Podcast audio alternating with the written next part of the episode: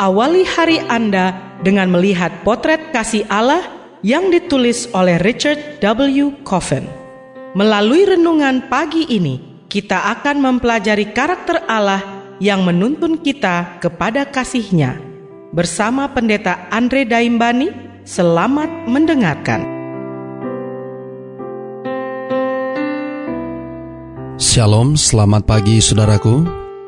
Renungan pagi kita hari ini 19 September berjudul Semuanya telah berdosa. Ayat intinya diambil dari Roma 3 ayat 23. Demikian firman Tuhan. Karena semua orang telah berbuat dosa dan telah kehilangan kemuliaan Allah. Mari kita dengarkan penjelasannya. Di dalam Alkitab Ibrani, Tuhan dengan jelas menunjukkan bahwa Ia telah memilih keturunan Abraham melalui Ishak sebagai umat kesayangannya. Tidak terlalu mengherankan bila kemudian selama berabad-abad orang Yahudi begitu bangga dengan status istimewanya. Bukan hanya Abraham sebagai leluhur mereka, sahabat Allah, tetapi juga Tuhan Sang Pencipta dan pemilik alam semesta telah memilih mereka menjadi umat kesayangannya. Karena kebanggaan pada status kerohanian mereka inilah, Yesus memperingatkan mereka untuk berhenti mengakui Abraham sebagai leluhur mereka apabila mereka tidak bersikap seperti dia, sehingga cocok menjadi keturunannya. Injil Yesus Kristus yang ditujukan oleh Paulus kepada orang Yahudi dan bukan Yahudi, diharapkannya menimbulkan efek yang pertama, mengurangi rasa unggul orang Yahudi dalam kerohanian, dan yang kedua, mengurangi rasa rendah diri orang bukan Yahudi dalam kerohanian. Ia perlu melakukan hal ini karena dalam keselamatan yang diberikan Allah tidak ada yang diuntungkan atau dirugikan. Begitu pula di sini dalam Roma 3, Paulus terus membangun ajarannya bahwa apa yang dicapai oleh manusia bukanlah hasil perbuatan, tapi berkat dari Allah. Keuntungan orang Yahudi yang memperoleh hukum tentu saja merupakan suatu kenyataan. Allah mengistimewakan orang Yahudi dengan memberikan mereka hukum yang tidak dimiliki oleh bangsa-bangsa lain. Dan hukum itu memberikan pengetahuan, tapi hanya pengenalan tentang dosa, sebagaimana dicatat dalam ayat yang ke-20. Itulah cara Paulus mengurangi rasa bangga diri rohani orang Yahudi. Cara yang digunakan untuk membangun rasa rendah diri rohani bangsa bukan Yahudi adalah dengan menunjukkan bahwa pengetahuan itu betapapun pentingnya tidak menyelamatkan.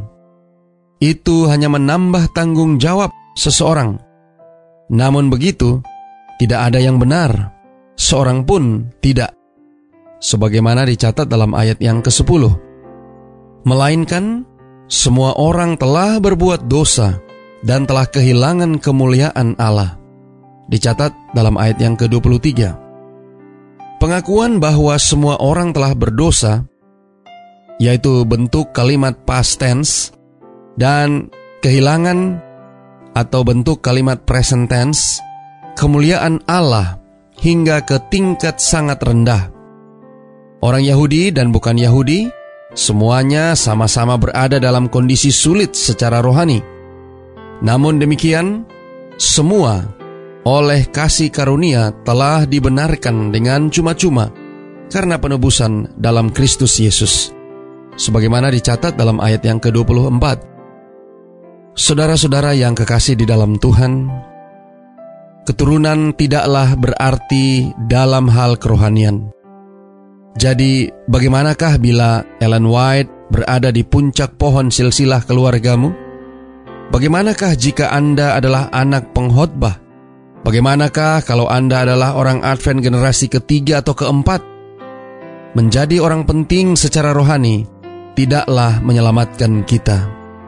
Orang-orang penting secara rohani itu membutuhkan kasih karunia Allah sama seperti orang-orang tidak penting. Doa kita hari ini. Bapa, terima kasih. Melalui renungan pagi ini, kami boleh belajar tentang satu hal yang sangat penting dalam kehidupan rohani kami. Terima kasih melalui renungan pagi ini kami diingatkan bahwa semua kami adalah manusia yang berdosa. Tolong kami hari ini Bapa, biarlah dengan pertolongan kuasa roh kudusmu akan selalu mengingatkan kami agar di dalam keberdosaan kami, kami menyadari kebutuhan kami akan Juru Selamat, yaitu Yesus Kristus, Tuhan dan Penebus kami. Terima kasih Bapa. Inilah doa dan permohonan kami kepadamu. Semoga Tuhan senantiasa memberkati kita sekalian sepanjang hari ini saat kita melakukan aktivitas kita masing-masing.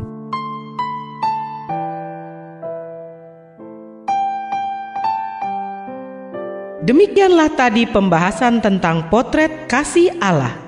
Semoga firman Tuhan hari ini dapat menjadi berkat bagi Anda. Sampai jumpa, Tuhan memberkati.